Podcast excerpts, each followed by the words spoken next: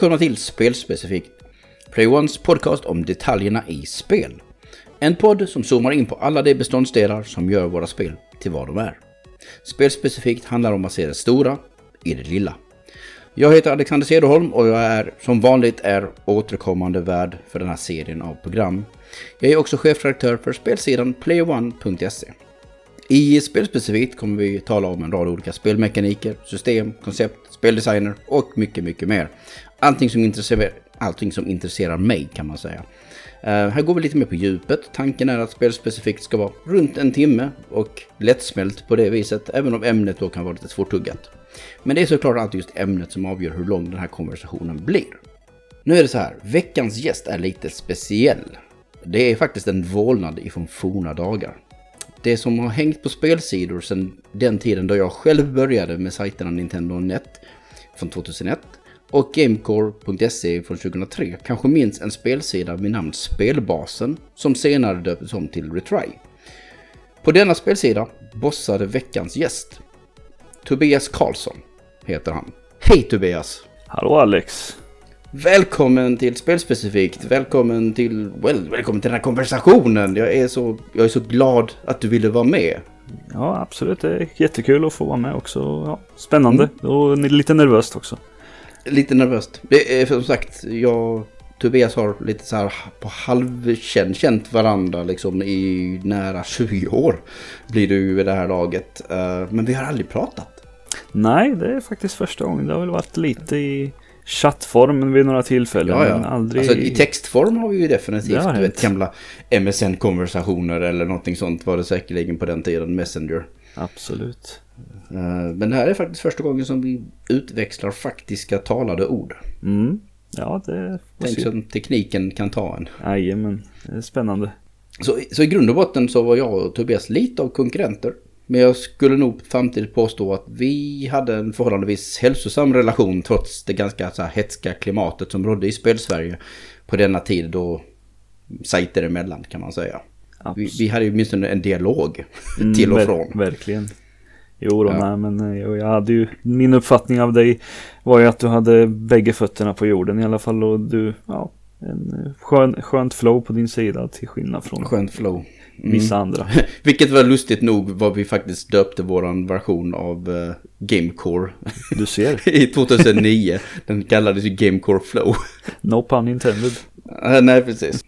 Vad minns du själv från den tiden? Liksom bara, Oj. Vad har du med dig? Ja du, nej jag tänker väl framförallt på gemenskapen man hade på sina Ja, framförallt vi på vår egen sida. Alltså, vi var ju, man var ju oftast ett tjugotal personer. Ja, en chefredaktör, Herre, kanske Gud, två redaktörer. Ja, något sånt ja. var det. Men sen, sen så minskade det ner lite med tiden. Men eh, det var en kul gemenskap och man hade liksom bra snack mellan alla. Och skickade recensionsexemplar till höger och vänster med och fick mm. betala dyra frimärken för Dyra porto det Herregud. Ja, precis. Så, nej, den känner jag igen. Uh, vi hade så samarbete med våran lokala spelbutik här också nere när inte utgivarna riktigt ville gå i vårt ärende alltid. Mm, så hade vi en backup. Smart. Uh, ja, precis. Så, men ja, gud vad jag har, vad jag har lagt ut pengar på frimärken. Herre jäklar. Ja, vi var... Och sen nu idag när man tänker på vad det kostar att skicka någonting. Ja, jag blev nästan mörkrädd faktiskt. För det var, alltså visst kostade det lite att skicka saker på den tiden. Men det, är, det är inte ens jämförbart med vad det kostar Nej, nu. Även alltså bortsett om man ser bortsett från inflation. Det är fortfarande så här, det hade inte varit lätt att driva den typen av verksamhet idag. Nej, absolut inte. Vi försökte väl få till lite deals med distributörer och skicka direkt till respektive person. Men alla mm. var inte lika sugna på att följa det exemplet. Då, så att... Nej, och vissa var också väldigt så här att de höll väldigt hårt om informationen. Där var det någonting jag för mig att vi två faktiskt inte var så illa på det. Utan man kunde fråga, du, var får jag tag på denna personen? Ja, men precis. Och, och, och jag svarade och vice versa. Det kommer jag ihåg. Det var en sån här sak. Att, men vissa var ju bara så här helt hopplösa. De bara, ja. nej, vår information, håll er borta. Ja, jo tyvärr. Nej, det var... Det, det, det, sagt, klimatet var lite weird på den tiden. Väldigt. Ja. Mm, mm, mm. Hur länge, när bildades spelbasen? Oj, Ja, fasen nej, nu, är jag, nu är jag så otroligt dålig på siffror och år, men jag skulle väl säga att det måste varit där någonstans runt 2001 i alla fall. Mm, Där- det är samma era där, runt, liksom, som, runt de trakterna måste det ha varit. För det var, jag minns Mm. att jag, det var nog när jag hade gått, var på väg att gå ut i gymnasiet eller något sånt där. Ja, jag, jag minns inte det. Det är ju som sagt en halv livstid. Ja, så jag tycker det är så gulligt med alla människor som börjar och slutar gymnasiet. Verkligen Ja. så här, jag tog liksom över chefredaktörsrollen på Nintendo Net av en person som skulle börja gymnasiet. Ja. Vilka, alltså, mhm. vilka och jag var kontraster. liksom då 2021 ungefär. ja, ja, det är en viss kontrast. Ja, det är det. Ja. Varför bytte ni namn till Retry förresten? Var det bara att man ville byta namn eller gjorde Alltså- ni några omfattande ändringar? Jag minns inte riktigt. Det var- Spelbasen var ju en multiformatsida. Ja, nej men det var ju då, det var alltså konceptet höll väl i sig. Det var väl inga direkta eh, stora skillnader egentligen. Det var väl, vi kände mer att vi började få någon form av nystart där det gick, lite, ja, det gick, kunde gå lite i trögt vissa gånger och det var ju liksom en ständig jakt på den där besökarkretsen som man eh, aldrig riktigt fick så många som man hade velat eller tyckt förtjänats. Men eh, ja, vi gjorde ett försök med ett nytt namn som vi tyckte lät lite bättre i mun och eh, ja, det, det vart väl en liten boost i början där i alla fall. Men sen vart det väl lite same same. Nej, men det, det känns väl igen. Men även om då vi gick en annan väg. För, jag menar, vi gjorde ju någonting superkontroversiellt. Vi var ju som sagt största oberoende svenska eh, Nintendo-sajt. Mm. Och valde att gå multiformat. Och det var ju inte helt icke-kontroversiellt en gång i tiden. Absolut, nej. Men det släppte till slut och folk var schyssta och vårt community var schysst. Och allting löste sig. Mm. Ja, nej men Mm. vissa alla gör ju sina, sina resor så att säga. Och det, Mm-mm. Innan vi börjar på veckans ämne, så bara, jag brukar alltid fråga, generellt så frågar jag just egentligen också så här, vem är du? Jag vet ju vem du är typ. Du vet. Ja, om, om du skulle berätta lite mer om, du vet, vad du är förutom vad som hände för 20 år sedan. Mm. Vem är du och vad gillar du att spela? Ja, nej men jag är 38 år Norrköpingsbo som det säkert hörs på dialekten. Och eh, ja, till vardags jobbar jag inte med spel i alla fall eh, längre. Och eh, men jag spelar ju på fritiden såklart i alla fall. Och det, mycket av tiden på sistone har väl äts upp av eh, nu senast NHL 22 sen det släpptes på Game Pass. Och eh, Fifa och eh, Far Cry 6 är väl de som Mm. Och sen lite Ghost of Tsushima. Eller hur man nu uttalar det. Ja, Och så en liten skräckfilm då och då. en liten skräckfilm då och ser då. på Facebook. Jajamän, så det blir lite sånt också. Och sen eh, dyker upp lite trevliga skräckspel så går ju de förstås varmt i Xboxen. Eller PS4. Glöm inte att uh, spana in Tobias krönika. Han gjorde en gästkrönika hos oss för några veckor sedan. Så Mm. den tycker jag ni ska spana in. Vad hette den? Konsten att skrämmas. Konsten att skrämmas. Ja, spana in den. Och medan eh, ni spanar in den höll jag på att säga, det ska ni inte göra, ni ska lyssna på det här programmet Mm. nu. Så eh, tänkte jag säga att den här veckan handlar allting om att riva murar, bokstavligt talat. Vi ska prata om att riva ner spelmiljöer och det grövsta. Ja, men det är ju du som valde ämnet Tobias. Varför var det det som lockade dig? Ja, nej men alltså jag har väl ganska många år haft en liten drivkraft till, ja, fr från, från första början kanske det mer var fysik, motorer generellt, men sen så utvecklades det till, mer till att, ja, mm, mer och mer spel som man såg hade förstörelsemoment och då vart man, ja men det där är ju riktigt coolt, det vill jag se mer av. Och eh, ja, jag hade väl kunnat hoppats på lite större utveckling så, när det har gått så pass många år, men det, ju, det finns några spel som sticker ut lite. Det finns det, absolut. Det håller jag väl med om. Men, jag, men det var ju ett sånt där väldigt uppenbart tecken på att tekniken gick framåt. Mm. Liksom när ett sånt steg kom så blev man ooh, och så, så spanar man oftast in det liksom för att se bara, vad, är, vad är den stora grejen här och vad är... Det, är liksom, det finns olika så element. Som du säger, jag tänkte alltid på fysiktyngd, brukar jag kalla det. Mm. Som heter hur tung är fysiken? Precis. Så att är den så här väldigt luftig och sånt så känner jag att det har inte kommit vidare. Vi är fortfarande i det här läget att allting känns lite balsaträaktigt och så vidare.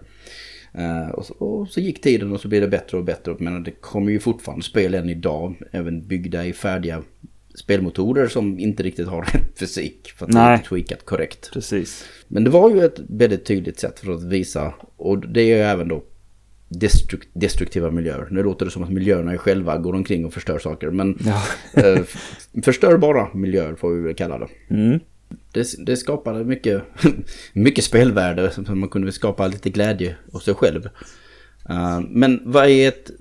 Om vi börjar där vi oftast börjar, och jag tycker det passar i det här programmet. Det är att, vad är ett tidigt exempel? När tyckte du att du kände att jag sköt på någonting som gick sönder? Ja, så om man ska dra det så långt bak som jag kan minnas egentligen. Det var väl redan egentligen eh, första Worms. Eh, Mm. Från eh, 95 Precis. då. Tänker jag som ett. Mm. Eh, det var väl lite där.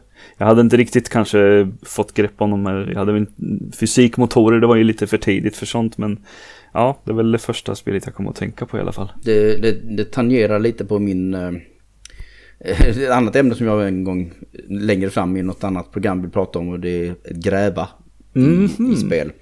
För det är lite mer så att man, man kan ju gräva i det också men du vet eh, Worms miljöer är ju väldigt... a- du vet, det kvittar om det är ett hus eller om det är jord eller liknande. Precis. Allting är eh, bara en stor mesh som Ja, man gräver precis. och som gröper ur med olika vapen eller liknande. Precis. Ja, nej, så det är inget, det är inget riktigt som man kan, ja, som sagt, skjuter du, skjuter du sönder botten på en, på en... Just det, eh, där är ju grejen, då- det svävar fortfarande. Det svävar fortfarande, så det är inget som liksom, gravitationen finns ju inte riktigt där, förutom hos maskarna själva då. Har, har du någonsin spelat Scorched Earth? Nej, faktiskt inte. Det känns... Det är en föregångare till Mhm. Worms. Som Okej. kom så här på gamla PC, så 386 och så vidare. Det lät för jävligt. Men, Okej. eh, men, men hade en del coola effekter. Men det var tankar som vred sina kanontorn. Alltså som Ja, men det, du ja, låter ju Ja, bekant. Ja. ja. Och inte mobil alls. Nej. Det, var, det finns något sånt där apbananspel också tror jag som har lite liknande där man slog in värden för hur långt man skulle skjuta och hur kraftigt och så vidare. Jag tyckte Scorch Earth var mycket roligare. Ja, men, precis. Jo, det... Men, men grejen med det, det var att det hade kollapsande miljöer. Så att Det- om det, kom en banan, eh, banangranat i princip, alltså vet en splittergranat som började liksom Mm. penetrera sönder ytor eller marken. Ja. Då kollapsade sen marken liksom i pixel, enstaka pixelform. Mm. Ungefär lite så. Jag vet inte om du har sett det moderna Noita. Det är nog det närmsta jag kan Ja, okej, komma till nej. att jämföra det. Nej, tyvärr inte. I så här pixelprecision på något sätt. Ja, okej. Att En, en, låt säga att en pixel är ett sandkorn. Mm. Och så, så, men allting har fysik och faller om Just det. det tappar kontakt med, med mark helt enkelt. Okej. Ja, nej. Men det, ja, det blev ju lite enformigt fortfarande i och med att man var stationär. Mm. Ja, jo, nej, men jag har lite vaga minnen från nu när du nämnde stridsvagnar och där då känns det, känner jag igen mig lite där. Mm, mm, mm. Ja, som sagt, jag hade min polare hade ett hemskt, hemskt, hemskt ljudkort.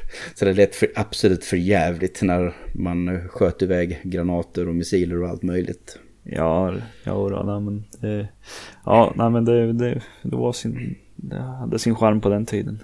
Ja, eller rättare sagt, han hade nog inget ljudkort. Kanske det som var Ja, problemet. kanske var det.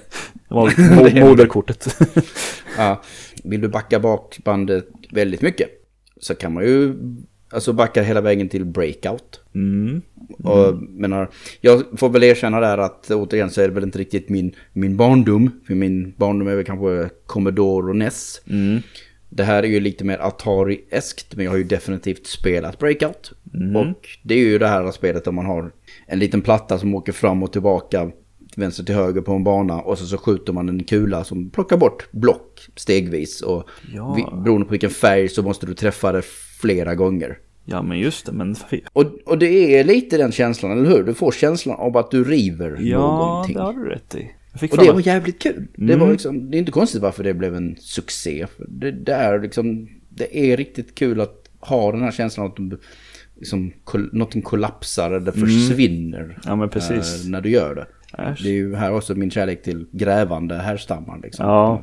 Absolut, jo de är lite samhöriga. Och sen är det ju liksom, men du har det här också i en bakvänd form i Space Invaders. Mm, mm. Du vet, Ditt skyddande hus är ju Precis, också i pixelform kan liksom decimeras stegvis och stegvis och stegvis. precis. Jo, eh, det, det finns ju lite, li- lite olika varianter på förstörbara miljöer eller träffytor eller vad det nu må Mm. Ja, nu, nu pratar vi om de mest basala Ja, liksom. ja, för det här är ju här det började. Absolut.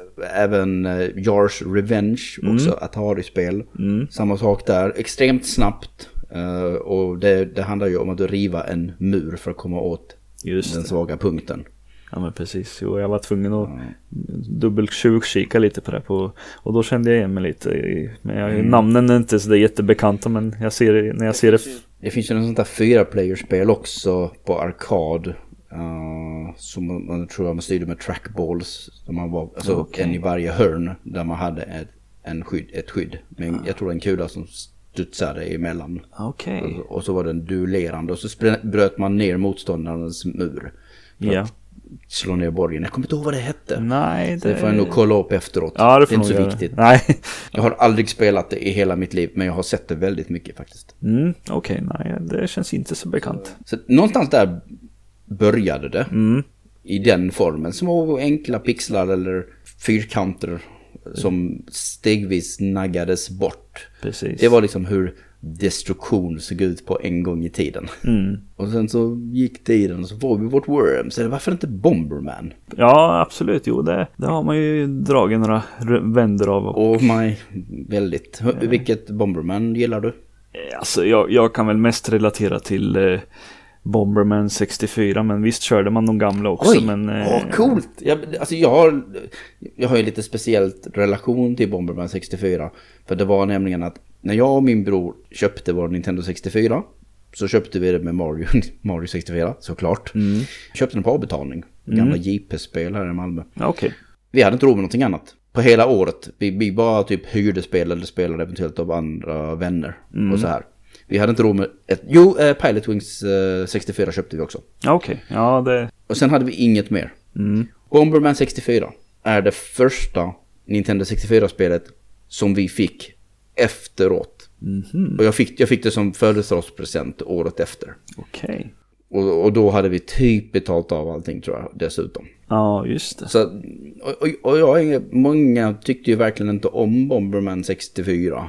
eh, För hur det förändrade strategin lite. Men jag tyckte fortfarande att det hade ganska mycket charm. Ja, absolut. Väldigt mycket charm. Och framförallt eh, mest, ja jag körde ju, jag vill väl minnas att jag tog mig trots allt igenom eh, äventyrsläget som fanns där. Men eh, största delen av tiden den vart ju ändå i fyr, multiplayer-läget. Och när man Mm. var fyra stycken och ja, nej, det var väldigt...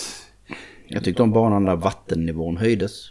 Ja, var det den, det var inte den med pyramiden där eller var det den? Jo, ja, yes, det det var, är en av dem. Det finns två stycken som gör det. Ja, just det. Ja, den, Ja. den var en av Det favoriterna. som många inte gillar var ju liksom att den här rutnätseffekten försvann. Mm. Och att man var inte lika instängd. Utan det var ganska mycket mer öppet och mer kaos.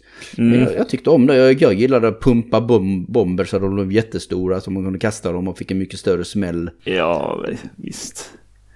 Ja, Vad kul! Det Ja. var roligt med någon som eh, förstår ändå, jag ska inte säga storheten i Bomberman 64, men som ändå uppskattade det. mm, absolut. Men, men jag har ju också då spelat både alltså ettan, gillar verkligen tvåan och sen så hade jag trean. Och Jag tyckte det var kul också, även om jag kanske är lite kluven till Lewis, eller Louis eller vad de hette för någonting. Just för att folk, man dog aldrig på grund av att man hade dem. Nej, just det. Man bara hade extra liv hela tiden. Ja, och- ja nej, det... Men där var ju det väldigt enkelt. Det var bara block som försvann. Mm, mm, Och som eh, eh, liksom eh, nystade upp banan mer och mer. mm. Och det behöver inte vara mer komplicerat egentligen. Nej, för det var fortfarande det var liksom en föränderlighet. Mm. Och det är väl det som kanske gör så att man lockas av förstörbara miljöer. Att man Mm. liksom förändrar det som har funnits till någonting annat. Precis. Eller bara förstör den. Som Ja. typ Duke Nukem 3D. Ja, ja men men jag- precis. Ja men du vet, du kan bara sparka på en toalett och så pissar den vatten. Ja. Bara, ja det, det var ett resultat. Det var någonting som jag gjorde liksom för att jag... För att de tänkte på att de ville göra en annan sprite efter att jag slog på den. Precis. Eller krossade en spegel. Ja, vidare. Nej, men man... Där... Men sådana enkla saker var ju det som imponerade en gång i tiden. Mm, mm. Ja, för sin tid så var det ju absolut. Eh, nej, man vill ju gå runt och testa och vad man kunde göra, interagera med det mesta egentligen i det Mm. spelet. Och, så det är väl det som är lite väcka, eh, väcka lite lekfullhet eller nyfikenhet hos spelaren. Det är väl det som är målet. Borde Mm. vara i alla Men fall. jag tror de lyckades ganska bra i Duke Nukem 3D faktiskt. De gjorde att väldigt många miljöer var förstörbara. De visste om att, och sen gjorde de det kanske, de kom säkert på idén att bara, åh det här kan man göra, men nu har vi gjort det på detta. Och det var ju kul, men nu kommer nog folk börja leta efter sådana här punkter. Så nu måste vi göra det på fler ställen. Mm. Ja, men precis. Eh, Så man sätter sig lite över en rävsax, men det är en rätt rolig rävsax i alla fall. Ja, absolut. Jo, det har man många, många roliga timmar med, med Duke Mm. Nukem. Oh ja. Har vi några andra så här lite, oh, ja, ja, jag kom precis på ett ju på Playstation-eran som jag verkligen gillade. Okej, vad var det för något?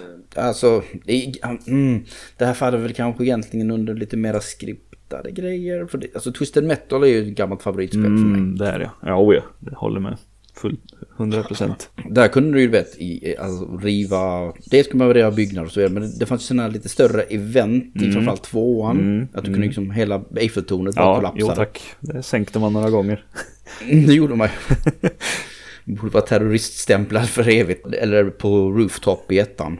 Så man Just- sprängde den här just det. stora toppen. Eh, glastoppen Ja, över taket. just det, just det. Absolut. Så det var man ju alltid intresserad av att, att göra. Ja, jo, nej men det var sätta lite bomber där under Eiffeltornet och lura dit någon stackars jävel och sen sprängat till Kingdom Come. Sen var det bara sprängat till Kingdom Come. Mm. Det finns ju faktiskt en Nintendo 64-spel också som jag tänker på när jag Mm. tänker på förstörbara objekt eller miljöer eller så. Mhm. Och det är egentligen Body Harvest. Det är, också en, det, Mm. det, är sånt, det är sånt där spel jag har en konstig relation till. Att jag verkligen så här beundrar på många sätt. Det är ett gammalt DMA-designspel. Mm. Exakt. Gammalt Rockstar-grej. Väldigt första tydliga exemplet på att de ville göra ett GTA i 3D. Mm. Det var liksom solklart experiment kan man säga. På att absolut. utforska 3D-miljöer, hoppa ut ur fordon, gå in i nya fordon och så vidare. Ja men precis. Men det var en sci-fi-miljö där man skulle rädda människorna från att bli uppätna av eh, utomjordingar. Jajamän, det Och, och, då- och när man då kom till en, en stad, by, där det fanns städer också, så kunde man liksom se de här in, utomjordingarna invadera. Och de var så här uppgrupperade i olika typer av fiender. Varav en typ verkligen rev byggnader. De var där för att bara riva byggnader. Och de Just. förstördes. Och om de förstördes och kollapsade, det var inte så här jätteavancerat. Men de kunde rivas liksom. Mm, mm. Och sen så släppte Harvestern ut den här slemblobbor som hämtade människor och sen så liksom fångade de och så gick de tillbaka till Harvestern som åt upp dem. Just det. Ja, nej men det där är ett... Jag gillar det konceptuellt väldigt mycket. Eh, Och om han åt för många, så dels så blir det ju game over om du inte kunde rädda tillräckligt många människor i miljön. Men dels så var det också att om de åt, åt upp för mycket så beamade de ner en mutant ner till ytan som var en riktigt svår version av en fiende. Ja. För man får tillräckligt mycket så här biomaterial så att de kunde framställa någonting farligare. Mm, mm. Jo, men jag har eh, också lite minnen från Body Harvest. Jag var tvungen att färska upp ett med lite YouTube-klipp, men eh, man... men, det, var, det är många år sedan nu, men... eh, Ja, Det är många år sedan. Men Ja. just det här spelet har faktiskt fastnat hos mig lite. Det är, det är lite av en sån här favorit. Jag Ja. har det verkligen snett bakom axeln och Ja. tittar på det. Nej, men precis. Ja, det kändes väl på den... Vad kostade det? Det kostade 599 kronor. Ja, vi var ju- pratade lite tidigare om Conquers Bad Fur Day också innan vi startade programmet. Ja, just det. Ja, då var det ju rea, rea nästan då. Ja, precis. Fanns det några förstörbara miljöer i Conquers Bad Fur Day? Oj, jag, Inte så i större utsträckning kanske. jag, jag törs inte säga det egentligen, men jag tror faktiskt inte jag har spelat Nej. Conquer's Bad för det. Ja, okej. Så att det, jag ska inte svara på den frågan. Kan vi prata om någonting som du har spelat istället? Ja, men precis så när vi ändå var inne på Nintendo 64 så- och förstörbara miljöer så kan vi väl lika gärna hoppa till året innan Body Harvest kom. Då var det Blast Corps från Rare.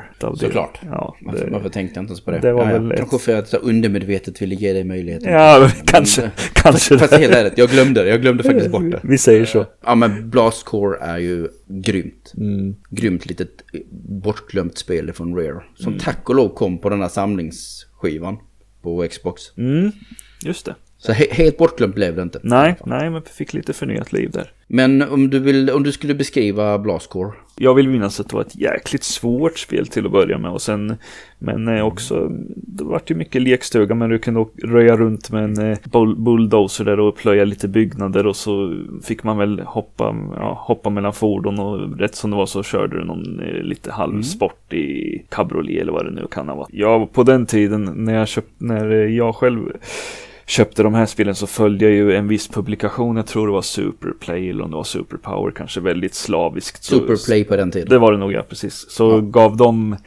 över typ 80 då var jag fine med det. Då, okej okay, jag lägger pengarna på det där. Så att det var väl lite det. Mm. Och så, det var en liten chansning. Jag hade inte, de, men jag minns att de gav det där högt i betyg i alla fall. Och då, då körde jag, följde det tåget. Kom du ihåg premissen? För det spelet? Eh, Vad du gjorde, varför du rev saker? Du skulle väl plöja vä bana vägen för en, eh, en, lastbil med radioaktivt innehåll vill jag minnas va? Ja, typ en kärnvapenbomb. Ja, just det. Så att lösningen var bara att utrymma antagligen förhoppningsvis byggnader mm. och sen så bara plöja allting framför den. För att eh, tydligen var det omöjligt att låta den bara stanna. Mm. Ja men precis. Jo, nästan. Så det var ett, pussel, det var ett pusselspel. Ja. I grund och botten var det ett väldigt hektiskt pusselspel. Mm. Och som då du nämnde hade det här elementet från ja, men GTA eller Body Harvest. Att du kunde hoppa in och ut ur mm. fordon. Vilket var en ganska häftig grej på den tiden också. Mm.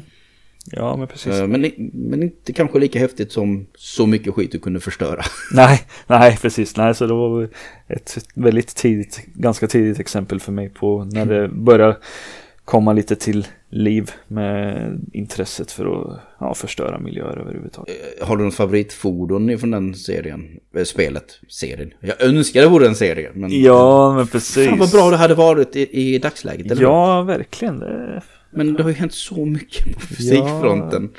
Varför gör ingen? Kom igen Rear. Ja men precis, sätt igång. Mm. Ja, nej. Jag... Men, eh, men återigen, ursäkta, jag skulle inte avbryta det. Nej, det är ingen fara. Nej, men eh, som sagt, minnet jag drar mig mest till det är väl bulldozern som jag...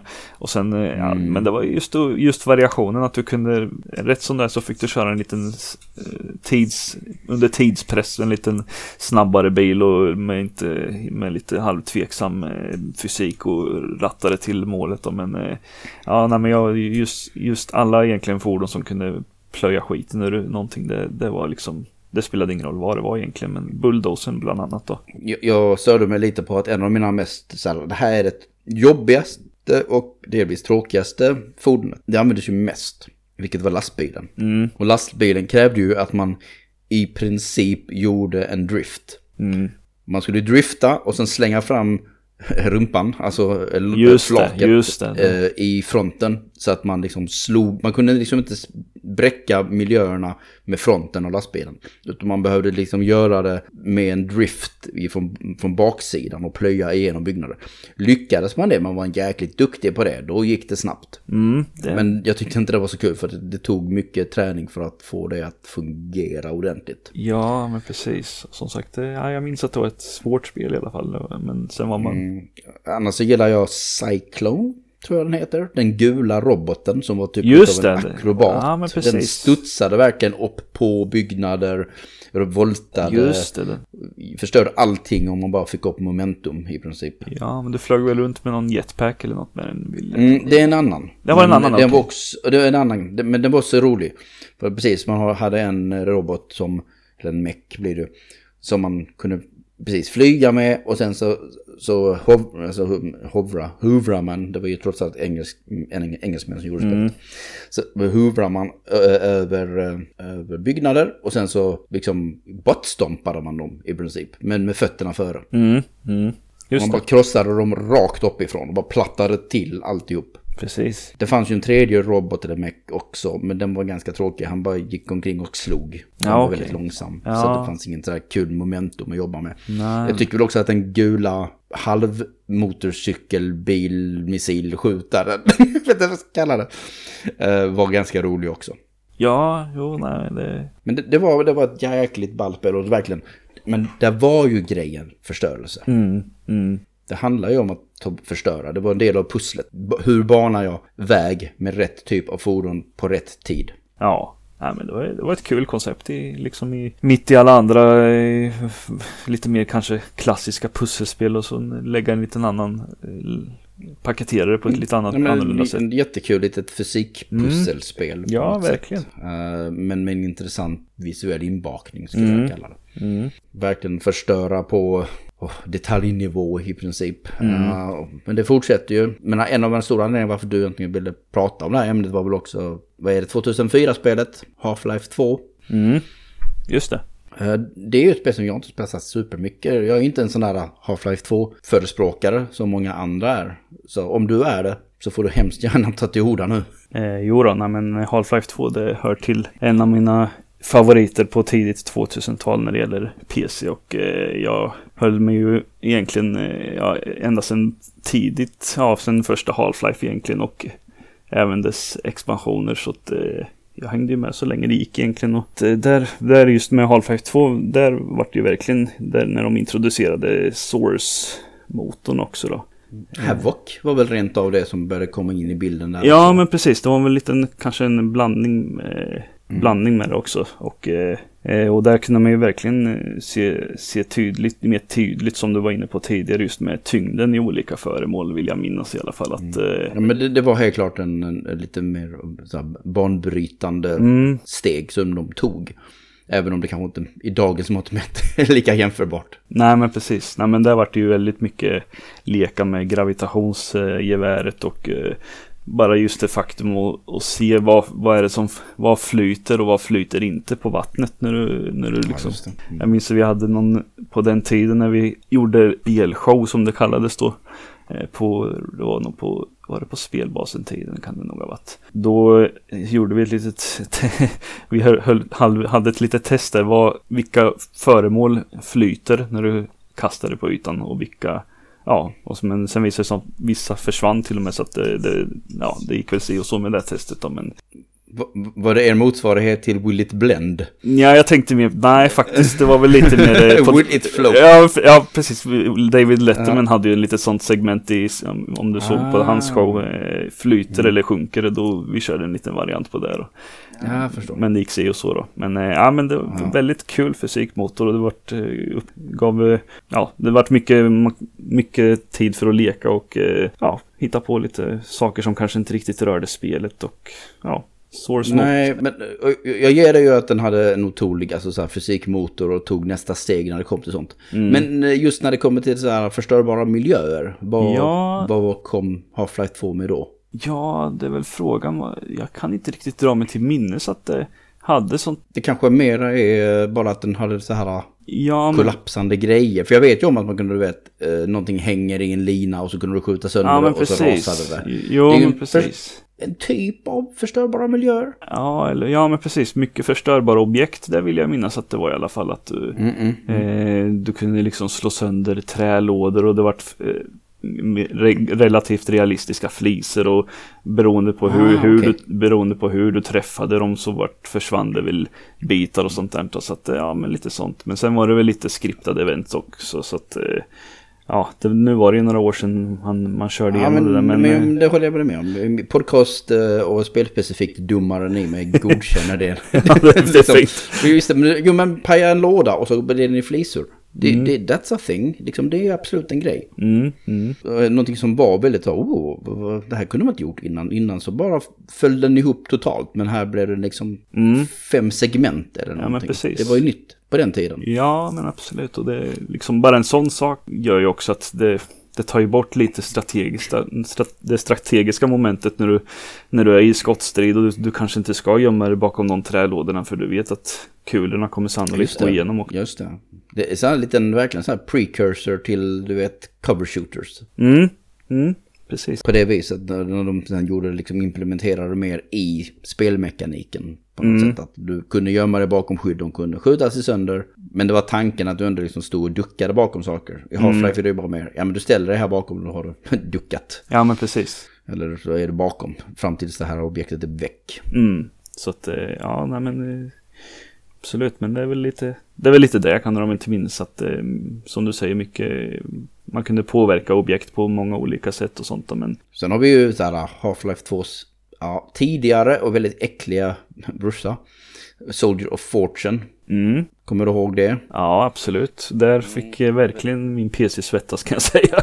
Ja, Är det så? Är det så? Ja. Ja. För i det spelet var det så här, jag vet inte om det var så mycket miljöerna, men det var ju de stackars måltavlorna i formen av människor som blev söndertrasade av, eh, av vapen och kulor. Ja, men precis. Där gjorde man ju, hade man ju lite bizarra morbida lekar för sig får jag nog kanske påstå. Ja, du är inte ensam om det. Nej, Det är lite såhär, nästan så här postal-varning på den. Ja, men precis så. Man kunde bara ligga och bara, "Ja, men jag ska se hur många snitt jag kan göra med den här kniven på benet innan det typ lossnar. Ja, Ja, jag vet det låter sjukt gott folk, men that's what we did. ja. Det promotades väl mycket med just att det, det har si och så många träffytor på per Mm. karaktär och så. Och, då, och de går att påverka liksom. Så att, Ja, då, då är det klart vi skulle gå och testa det. ja, det är absolut det är dumt att inte. de bad oss testa det i princip. Ja. Ja, det, ni påstår detta. Men det tror jag. Oj, det var som fan. Ja. Det, det funkade tydligen. För det var ju faktiskt väldigt imponerande. Mm. Det var olikt någonting annat man hade sett innan när det kom till den typen av skademodeller på, på karaktärer. Mm, absolut. Och det är väl lite sånt så att eh, vissa spel kanske man kommer ihåg just för sådana gimmicks. Men var spelet i sig Mm. bra, det vet Nej, jag minns inte spelet i övrigt. Nej, Jag bara kommer nej. ihåg att den har den gimmicken. Ja, men precis. Lite så. Vi snackade ju om Duke Nukem 3, nu ska vi inte säga att det är ett gimmickspel. för Det hade väldigt många, det var ju en solid shooter, men det hade mycket gimmicks. Mm, ja, Det fanns en anledning varför det lockade liksom. Ja, men som, precis. eh, jag vet inte, alltså Red Faction Gorilla, vi hoppar vi ju fram mot eh, sent 2000-tal. mm, mm. Och för att inte tala om Red Faction, får inte Mm. glömma originalet. Ja, Men, nej, absolut. Geomod-teknik var ju, eh, var, ju, var ju ett buzzword.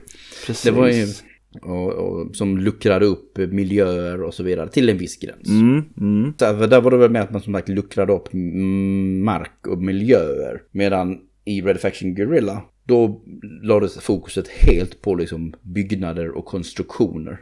Mm, precis. Spelade du det? Jo då, nej, jag körde både Red Faction och eh, dess uppföljare och sen hoppade jag väl till Guerrilla då. Och, eh, men just de första var ju på framförallt på PC vill jag väl minnas i alla fall. Jag kan, Ja, ha, jag kan ha fel.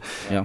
Ja men det var ju FPS de Ja. två. Ja men precis. Och, eh, Och sen så blev det tredje persons shooter. Precis. Och jag hade väl inte världens mest eh, snabbast PC så att eh, jag fick väl deala med lite smålagg där men eh, man försökte ju se lite hur, hur tjocka är den där väggen egentligen och vad finns på andra sidan.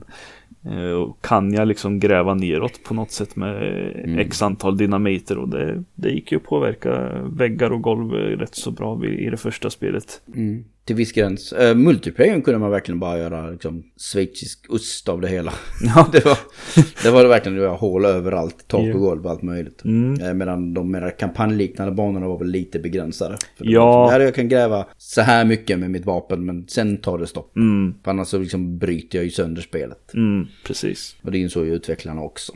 Ja, jo, men det, det, det är väl bara så mycket som en... Eh, innan, det, innan det tar över på spelbarheten, så att säga. Mm, nej men absolut.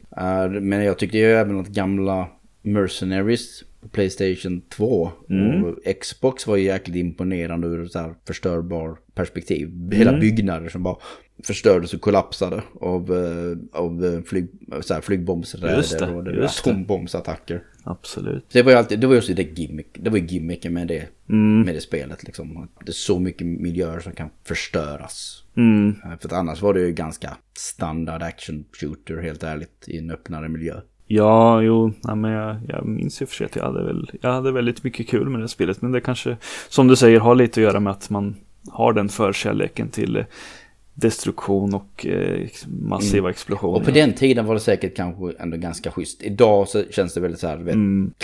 här Playstation Ja. 2-era actionspel. Även om du hade gimmick. Mm. Jag, jag, jag kan nog inte tänka mig att uh, speldesignen var supervarierad. Nej, nej men precis. Och däromkring runt ungefär eh, vid de åren så släppte ju samma utvecklare även eh, Destroy All Humans. Där hade du också, Ja, ja. THQ-spelet. ja men precis, och det var ju eh, Pandemic som eh, gjorde både det och Mm. Mercenaries. Just det. De hade sitt seriösa spel och ett larvspel. Ja men precis, ja det var ju verkligen larvspel. Men eh, det gick ju, det gick ju verkligen att flyga runt där med sitt tefat och spränga byggnader till, tills man vart less på det då. Men och de har ju dessutom kommit en remake eller re, ja, vad man nu ska kalla det på Ja, Xbox vad det One. är för någonting. Ja, vad det nu är. På Xbox One för två år sedan tror jag va? Sen har vi som sagt, och Red Faction Gorilla för att gå tillbaka till det. Det, Mm. det hade ju väldigt detaljerade fysikmiljöer. Ja, alltså, verkligen. he, he, liksom, du kunde verkligen bryta, men det var ju roligt att ha basvapnet. Mm. Bara den yxan. Ja, men precis. tror det närmsta man kommer till den känslan i modern Mm. tid är ju egentligen alltså det här helt nya, eller helt nya men det släpptes ju ganska nyligen i version 1.0, Teardown. Som är Ja, voxelbaserat, precis. svenskutvecklat Ja. dessutom spel. Och det, det har ju den här precisionen som Gorilla har Mm. Mm. i sin förstörelse. Mm. Eh, Om inte ännu mer såklart, för Ja. herregud vad, vad den utvecklaren älskar att eh, leka med fysik och Ja, Eh, vätskor och allt möjligt. Följ, följ honom på Twitter. Ja, okej. gubbar, för Ja, jäklar. okej. Det är väldigt intressant att se hur mycket han experimenterar med det där. Ja men precis, nej det var kul att du nämnde just eh, Teardown. Jag, jag, av, en, av en slump så fick jag syn på någon fysikmotor på YouTube och då var det ju någon eh, amerikanare eller vad det var som visade upp eh, han och då visade det sig att det var just den där Dennis Gustafsson som han heter då. Och som jag sen, sen fick se att han hade gjort Teardown som du nämnde då. Så att eh, ja, det var en li- liten lustig slump men eh, ja, det ser verkligen ut att vara ens allé. Men eh, jag tror inte min dator pallar med det dess, dessvärre. Så att, Ja, jag har ju precis eh, skaffat mig en Steam Deck. Så att jag Mhm. funderar, och den är kompatibel. se där. Förmodligen så blir det ett teardown kanske i eh, juni månad. Ah, Jag ja, har ju löning liksom, så nu, nu kan jag köra. Än så länge har jag ju bara kört Vampire Survivor på den. ja okej. Verkligen bara, jag har köpt den här 6000 kronors konsolen. Nu kör jag 25 kronors spelet på den. Ja. det, det är nivån. Men, eh, men inget illa om Vampire Survivor. För holy shit vad bra det är. Det är så kul. Mm, okej. Och det är också faktiskt tekniskt imponerande på många sätt. För att Mm. alltså, det är ju så mycket som händer på den skärmen samtidigt. Det finns ju inte en chans att det hade kunnat göras mycket tidigare liksom. Nej, nej, nej, just det. Nej, så, alltså Teardown tycker jag ju definitivt det är ju verkligen så här ett framstående spel, ett modernt spel som gör den här grejen Mm. exceptionellt bra. Mm, jo. Um, och, och, och, och, och lyckas dessutom baka in det ganska kul i en, i en kampanj på något sätt. Ja. Det handlar ju om att man ska typ, det är väl i princip att man ska alltså, spränga eller stjäla någonting och sen ska man liksom ta sig därifrån på en viss tid. Och det gör man genom att man helt enkelt får förstört miljön i förväg och planerat sin rutt. Och optimera den. Eh, Det är en sjukt bra idé och jag är som sagt väldigt pepp på att vilja spela det här spelet. De som lyssnar på programmet och har spelat det får gärna hoppa in i så här kommentarerna och Mm, peppa mig till varför jag ska skaffa Teardown. För jag, jag är idel öra. precis. Ja, Jag nej. gillar sånt där. Även uh, House Flipper är ett spel som jag har velat spela jättelänge på PC. Det är ju egentligen bara grund och botten så är det ett inredningsspel. Okej. Men på superlöjlig detaljnivå. Att du verkligen så här får ett hus och sen ska du bara riva hus, eller lägenheten eller alltså huset. Och plocka bort element och allting och sen så bara skruva i sak. Allting är, alltså det är mikronivå. Mhm. Men det bara, jag inte, det bara känns lite sen och väldigt bara kul på något sätt. Tidsödande Lite. på ett roligt sätt. Lite avancerad version av The Sims kanske då. Minus, minus eh, eh, ja men det kan man väl säga. Eh, det, är, det är inte helt orimligt att kalla det det. Sen finns det ju även, liksom, nu, det här är ju mikronivå som jag kallar det. Liksom, du, du, du, går på marken, du förstör väggen. Eller du Mm. vrider om den här skruven eller liknande. Eller du förstör saker Precis. mitt framför ögonen på dig. Sen har vi även spel som alltså, utövar förstörelse på någon slags makronivå. Mm. Eh, När man får se på det stora perspektivet. Och då tänker jag väl först och främst kanske jag tänker rent av på nästan valfritt RTS. Mm. För det är jäkligt tillfredsställande att bara förstöra byggnader. Alltså hela byggnader från ett uppifrån perspektiv. Eh, Spela Starcraft eller Red alert, whatever. Ja, och bara se dem börja brinna sakta.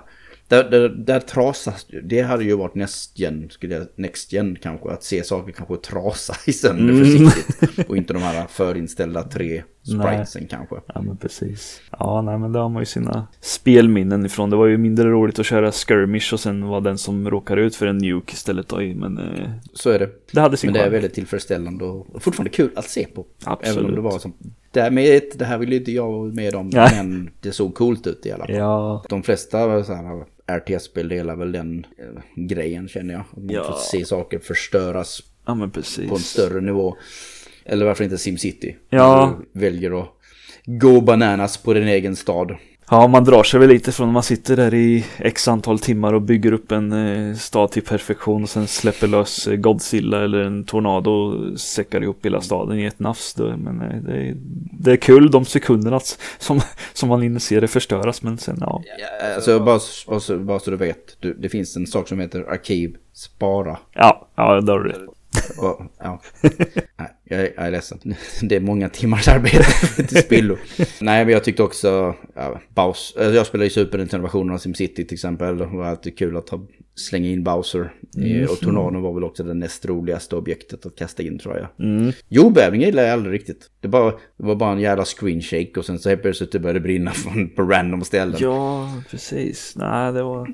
Den kände jag aldrig varit så tillfredsställande. Det, det ska gå liksom långsamt i någon, i någon form känner jag. Precis. Ja, och man vill, väl, Förstörelsen. man vill väl kanske se det lite mer på ett lite mer tydligt sätt just när det, ja, antingen Bowser eller Godzilla eller vad det nu må vara. Men Ja men de hade så tydligt liksom, alltså så här, destruction in their Precis, wake. Liksom, exakt. I deras spår så följde det eld eller bara utplånad yta. Mm. Jag vet inte om det är ju inte en precursor till SimCity, långt ifrån. Men det fanns ett spel på gamla Commodore 128 som jag spelade. Som hette The Movie Monster Game. Som Mm. egentligen bara typ, du spelade så här filmmonster. Mm. I Kanske inte riktigt Godzilla, men någonting som såg ut som Godzilla. Och någonting som såg ut som King Kong. Och, eh, och The Thing. Och, nej, vänta, The Thing, vad heter det? The Blob. The Blob. just det. Som eh, skräckfantast måste du känna Ja, The jo, jo, det känner jag igen. Eller jättelika Mike Myers. Eller Michael, nej, det är jag skämtar. Det finns inte. och, och då är det bara att du vandrar ju runt och förstör byggnader. Mm. Skjuter eld eller trampar på dem och så vidare. Och andra. Det, det finns en viss tillfredsställelse i det också känner jag. Det Mm. kombinerar mina, min kärlek för att precis den här typen av förstörelse och sen jag är någonting stort. Mm. Ja, men precis. Det kanske inte är, det förmedlar den känslan bra. Ett spel som inte förmedlar makrokänslan men som gör det bättre är ju egentligen Rampage. Mm. Ja, det är väl ett eh, klassiskt exempel. Ja, jag älskar, jag älskar spelet. Jag tycker fortfarande det är skitkul. Jätteroligt co-op-spel när man är de här Ralph, Lizzie och George. Mm. Mm. King Kong, Godzilla och varg. jag, vet, jag, vet inte vad, jag vet inte vad jag ska föreställa. Nej. Jättevarulv, det är ingen känd varelse liksom. Och klättrar också verkligen upp för byggnader, förstöra fönster, äta upp människor. Och sen har man krossat tillräckligt mycket fönster på rätt punkter så rämnar byggnaden. Mm. Och det där är en sån jäkla skön känsla när ett spel nailar den synen. När en byggnad rämnar, bara kollapsar på ett ganska naturligt sätt. Då, då blir jag lite, lite kär.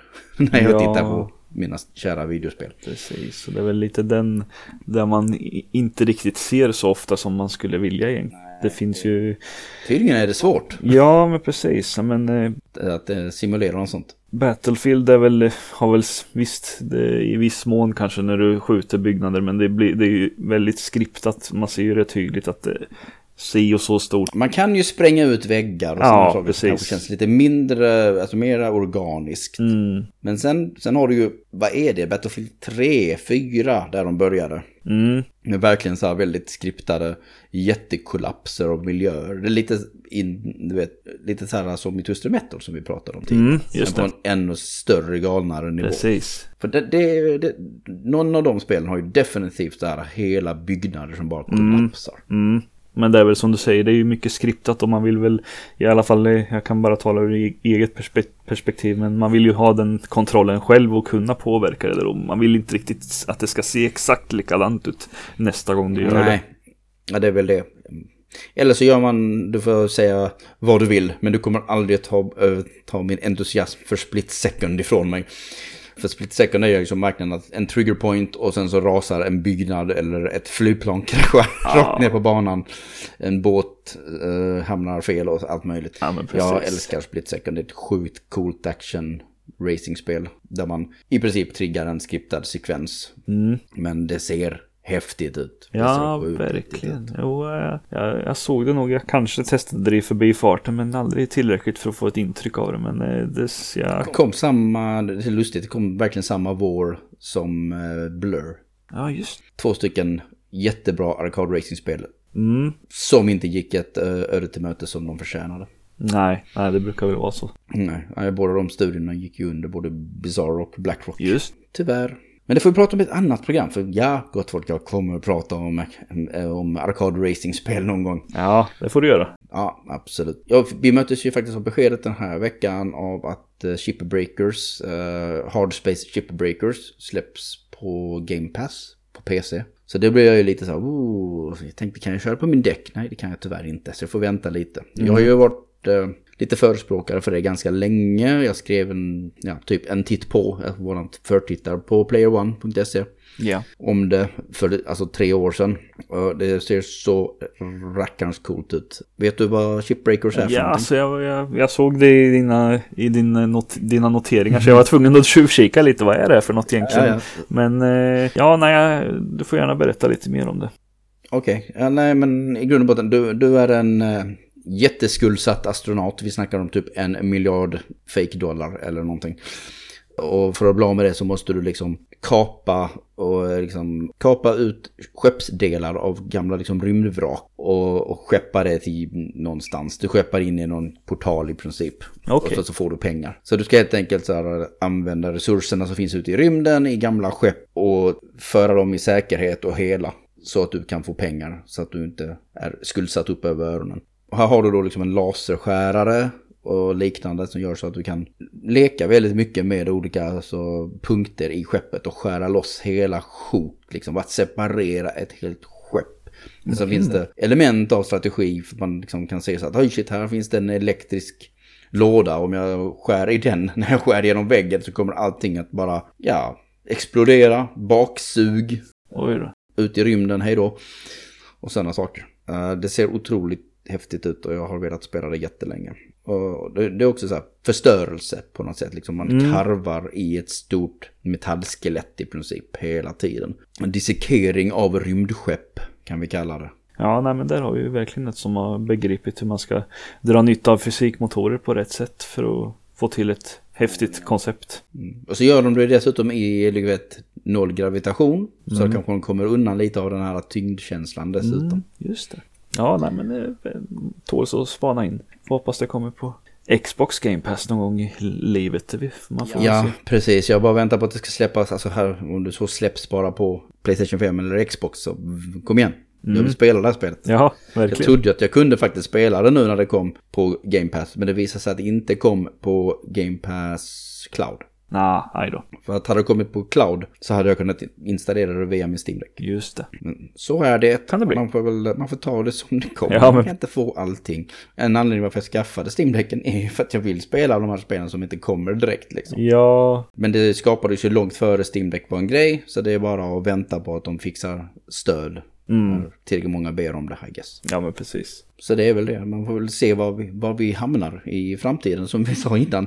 Ett nytt Blastcore, please. Please, please, please, please. Ja, varför inte? Kom igen nu Rare. Vad sysslar ni med? Rare och Microsoft, kom igen. Vad håller ni på med? ja, Det där uh, Everwild verkar ju aldrig bli färdigt. Så vad sägs om att göra ett litet miniprojekt med ett kul fysikbaserat pusselspel istället? absolut. Det är dags. Ja, det är det definitivt. Hade gärna sett ett uh, 3D-rampage också. Det hade varit Ja, ganska ball. varför inte? Liksom lite mer fokuserad miljö med väldigt mycket destruktiva miljöer. Ja, absolut. Jo, men det, sånt gillar vi. För grejen är ju att de är så här lagom stora. Det här Movie Monster Game, då är man så här jättestor. Du, du är Godzilla liksom. Men i de här Rampage så är det ju liksom någonting mellanstort. Tre, fyra våningar högt på ett hus. Men det betyder att du bara... Det finns en känsla i att du fortfarande kan klättra på husen. Och det tror jag kan förmedlas jäkligt schysst i 3D. Ja, absolut, jo, men det, det är bara att någon utvecklare får lite liv och tar tag i saken helt enkelt. Och om man nu bara ska drömma, eh, det kommer aldrig att hända. Ever, någonsin, i hela mitt liv. Men eh, nytt Body Harvest tack. Ja, det också. Kör på. Kom igen, Rockstar. Varför ska ni ödsla tid på liksom Grand Theft Auto och Red Dead Redemption? Kom igen. Ge mig ett nytt Body Harvest med jättebra destruktiva miljöer och så vidare. Ja, sett till historiken bakom det här spelet så vet jag inte om de är så sugna på att dra igång det igen. Det vart ju Nej. lite rabalder med Nintendo där innan de släppte det om man säger så. Jo, så är det. Vad har du själv för önskemål? Men äh, bara kör igång äh, önskelistan. Ja, alltså jag... Battlefield-spel, den typen av spel, det är ju lite min, min typ av spel. Men jag skulle då kanske vilja ja, om nu jag, jag tjuvkikade lite på, de visade en eh, fysi, fysikmotor till Unreal Engine 4 var det Chaos Engine. Det fanns det ett litet, eh, jag tror det var på GDC 2019 om man vill kolla upp det. Vad konstigt att de har döpt sig efter ett Amiga-spel. Ja, okej. Okay. Ja. Okay. Ja, nej, så där, där visar de ju verkligen, då var det ju lite monster som gick berserk i en stad och eh, där såg man ju verkligen prov på vad som kan, eh, alltså vad, vad, vad kraften vad fysikmotorer besitter för kraft. Och det är väl lite sånt man vill se i ett i ett shooterspel av eh, Battlefield-kalibern då egentligen. Och eh, verkligen liksom jag vill kunna skjuta på väggar, se, se dem eh, söndras bit för bit och liksom att det faktiskt eh, taket kanske rasar igenom. Men sen är det ju en liten hårfin gräns när det går för långt och det, inte, och det liksom påverkar spelmekaniken så du inte kan fortskrida på rätt sätt också. Så det är en liten balansgång där. Tycker vi kan ta ut svängarna rejält nu när liksom Fifa-licensen har getts upp av EA. Så kanske... Ja, varför inte? Destruktiva miljöer lite i nästa Fifa-spel. Varför inte? Kom igen, ta ut svängarna. Ja, men verkligen. Bara grästuvor och så vidare.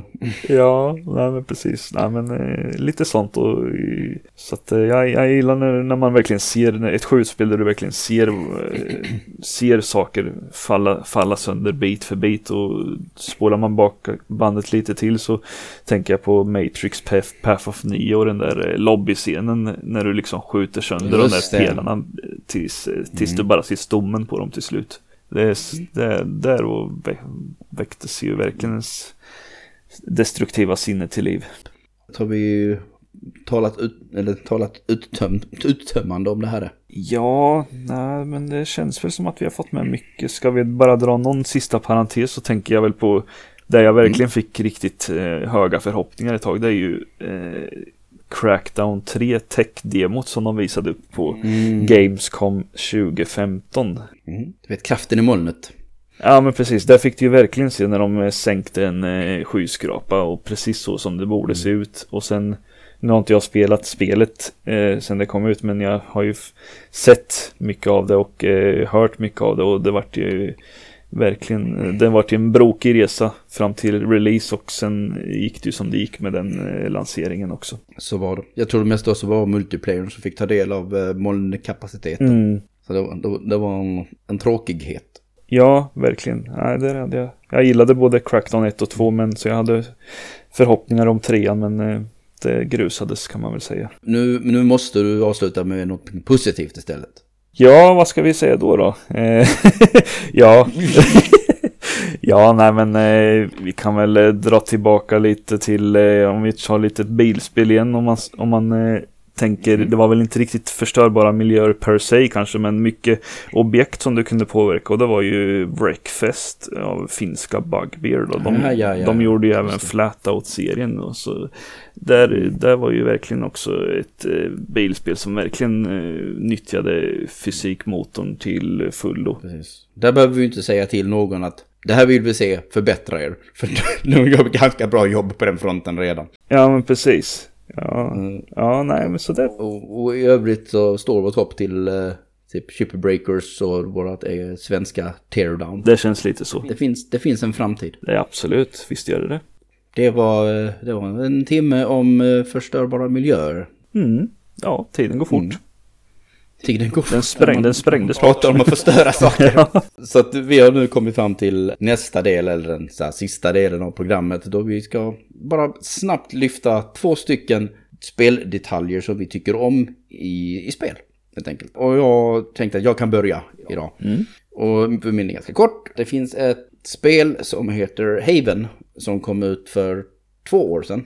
Och det är ett litet eh, mysigt indie tredjepersons action-rollspel typ. Och det häftiga där är att det är ett par, en kille och en tjej, unga människor som har flytt ifrån någon totalitär regim och så vidare och lite förbjuden kärlek och sådär. Det jag gillar väldigt mycket med det spelet är att eh, förutom att det är jättevälskriven dialog, det känns väldigt, väldigt så här, så här fungerar ett par. Många spel glömmer ju oftast bort att du vet, ja, vi måste rädda någon, men det finns ingen relation. Men här, här finns det en relation och de, är, de samarbetar ju hela tiden. Mm. I det här spelet så medan man byter områden så får man laddningsskärmar. Och det här är en av de bästa laddningsskärmar jag har sett på väldigt länge. Det är bara små enkla illustrationer, men det är sådana gulliga fina saker, du vet, så som man gör med sin partner till exempel. Eller man ligger i sängen och petar och kollar, alltså skrattar tillsammans eller någon som är dum mot den andra och tetas och sådana här grejer. Så att i, i grund och botten så är det bara att det bara kändes väldigt igen. Det var väldigt träffsäkert Mm. och väldigt gulligt. Så att jag vill bara ge lite så här, två tummar upp till Havens laddskärmar. Ja, det är inte, för, inte till vanligheten man hör positivt om laddskärmar så det var ju kul. Nej, jag, jag rent av väntade på att, för de hade stoppat in alltså minst alltså, alltså inte, 20-30 stycken olika. Mhm. Så det var ju hur många, man var jättenyfiken. Så, "Åh, jag vill se en ny liksom. Jag vill se Ja. en ny gullig bild. på de två som trivs ihop liksom. Mhm. Ja, men det är kul. Okej, din tur Tobias. Ja, nej, men jag tänkte väl lite som, eh, som vi börjar med att jag är ju lite skräckfanatiker och eh, det jag kommer att tänka på är ju då eh, Sanity-mätare och då framförallt i Eternal Darkness Sanities Requiem. Eh, Eh, det finns ju lite i nyare spel också då, bland annat. Nu minns jag inte riktigt namnen på dem, men eh, just i Eternal Darkness där kunde du ju. Du hade ju dels en, vill jag minnas, en eh, hälsomätare och även då en, en sanity-mätare och när den sänktes ner i botten då, då kunde det verkligen hända riktigt skumma saker när du gick in i olika rum. Jag minns man, någon var väl korrupt sparfil, alltså på engelska då. Så absolut. Så det kom ju upp blå. Det är ju en av de kändaste. Ja, men precis. Blå skärmar och sen ja, allt möjligt. Väldigt lustiga saker. Så att man fick ju lite, Mm. innan man visste om allt det där så fick man ju lite småpanik där. Det, det kan man inte sticka under stol med. Det fanns ju det här när man bara rent av så här tappade armar och ben. Ja, men plötsligt. precis. Eller, um, Ja, det- och så skriks det till. This is not happening! Ja, och men precis. Så allting återställt. Ja, nej, Eller att, något jag gillar är, vet du, det blir sådana här perspektivfel. Så att helt plötsligt så är en gång liksom, du, blir- det blir bara mindre och Just mindre. det. Så perspektivet stämmer inte längre. nej, men precis. Ja, nej, det, fann, det fanns ju lite olika skriptade vänster som var, ja, de var kul att se man hade verkligen önskat att det kom en uppföljare till det här spelet, men det, Ja, den eh, Kickstarter-planen eh, grusades. ja, det var, Ganska mycket. Verkligen Dennis Dayaks egen hybris och så vidare. Men ja. mm, Men jag hade också gärna sett ett nytt Eternal Darkness som kanske hade något vettigt fighting-system och så vidare. Men just Sanity-systemet var ju en sån jävla bra idé. ja, men Så att eh, den får vi ju gärna se återkomma. För det är ingen som har riktigt gjort på samma sätt. Det är inte så här Amnesia eller... nej. Åh gud, vad heter det där... Uh, Hitchcock... Inte Hitchcock-spelet, nu tänkte jag fel. Lovecraft-spelet. Eller Call of Cthulhu kanske du tänker på? Det är ju, det är ju sån typ av spel, men det, det är inte det jag tänker på. Jag tänker på ett annat detektivspel som kom för några år sedan. Då är det, ja just det, Sinking City tänker du nog. Yes, det är jag. Och det hade också så här, inte jättespännande effekt när man, när Sanity gick i botten. Liksom. Det var inte så här, ja, inte jättekul. Eternal Darkness, Sanity Requiem, det gjorde det jättebra. Mm. Jag tycker fortfarande att den är ganska oöverträffad Ja, på hur fyndigt det spelet gjorde saker. jag håller med dig. Det var det. Det var bara två detaljer. Och nu ska vi eh, börja avsluta här Tobias. Eh, jag ska plugga min sajt. Den heter playone.se och Facebook så heter den också playone.se slash. Vi heter playone-se på Twitter och detsamma på Instagram. Och sen finns vi även på Discord där vi snackar spel och allmänt nördiga ting. Som sagt, playone.se heter spelsajten där vi recenserar och skriver artiklar och där ni hittar Tobias gästkrönika som då eh, heter Konsten att skrämmas. Och länkar till allt det här finns också på vår hemsida om ni inte orkar leta runt bland alla sociala medier. Och är det så att man vill följa mig eh, privat på mitt Twitterkonto så heter jag underst. Tobias, har du gett upp eh, livet som officiell person helt och hållet eller kan man hitta dig någonstans? Ah, det är nog snudd på att jag gett upp faktiskt. Men eh, ja, nej, jag, jag, jag finns väl på Instagram. Men jag lägger ju inte upp mycket där matbilder någon gång ibland. Så att, eh, men vill, vill man prompt följa så Tobbepolaren 83. Okej. Du är inte här för the fame and fortune. Nej, inte det. Du är här för att du vill ha en trevlig konversation. Jag Ja, men lite det. så. Eh, men eh, sen sen händer det väl att vi streamar någon gång ibland på Twitch. Så då är det i sånt fall twitch.tv slash Tobbepolaren om man vill spana in det vid något tillfälle. Gör det. Och som sagt, vårt fantastiska intro och outro till programmet är gjort av Dominic Ninmark som har gjort spelmusik åt bland annat Striker Sisters, Rival Megagun, Mighty Goose och Blazing Chrome. Dominic hittar ni på YouTube som Dominic Ninmark och på Twitter som Dominic Ninmark. Stort tack till alla som lyssnar på spelspecifikt. Eh, det har varit en jäkligt kul resa. Det är fortfarande en kul resa. Jag slutar inte. Jag tror nu att min plan är att spelspecifikt ska bli 20 avsnitt innan säsong 1 avslutas och jag tar lite sommarledigt. Eh, så det är några avsnitt kvar fortfarande. Och den här podcastfeeden, eh, spelfysik, hittar ni i Player One presenterar. Som ni hittar i valfri podcastspelare. Det är bara Podcaster, Spotify, Apple Podcast. Det är bara leta runt, ni hittar oss. Så länge ni skriver Play One presenterar. Och så glöm inte heller att klicka på den här prenumerera-knappen. Det hjälper ju oss väldigt mycket. Och vad som hjälper oss ännu mer och bygga popularitet är ju om ni smäller in ett betyg. Är det så att du tycker om programmet så finns det också som sagt en stor chans att det finns någon annan spelälskare där ute som än så länge är olyckligt ovetande som vår existens. Så det är inte okej. Okay. Så jag tycker att ni ska hjälpa den här personen att bli lite mer insatt, lite lyckligare om att vi finns. Så eh, säg till dem. Tack så mycket. Och slutligen en öppen inbjudan till programmet. Eh, är det så att du har ett bubblande behov av att få ventilera dig om spel då tycker jag du ska anmäla intresse att medverka i programmet. Så som Tobias, han bara, han bara hörde av sig. Mm. Men vi pratar inte så supermycket alltid liksom, men har gjort det väldigt mycket de senaste veckorna för att han har varit jättepepp att vara med. Det är alltid kul om någon är pepp och vill vara med.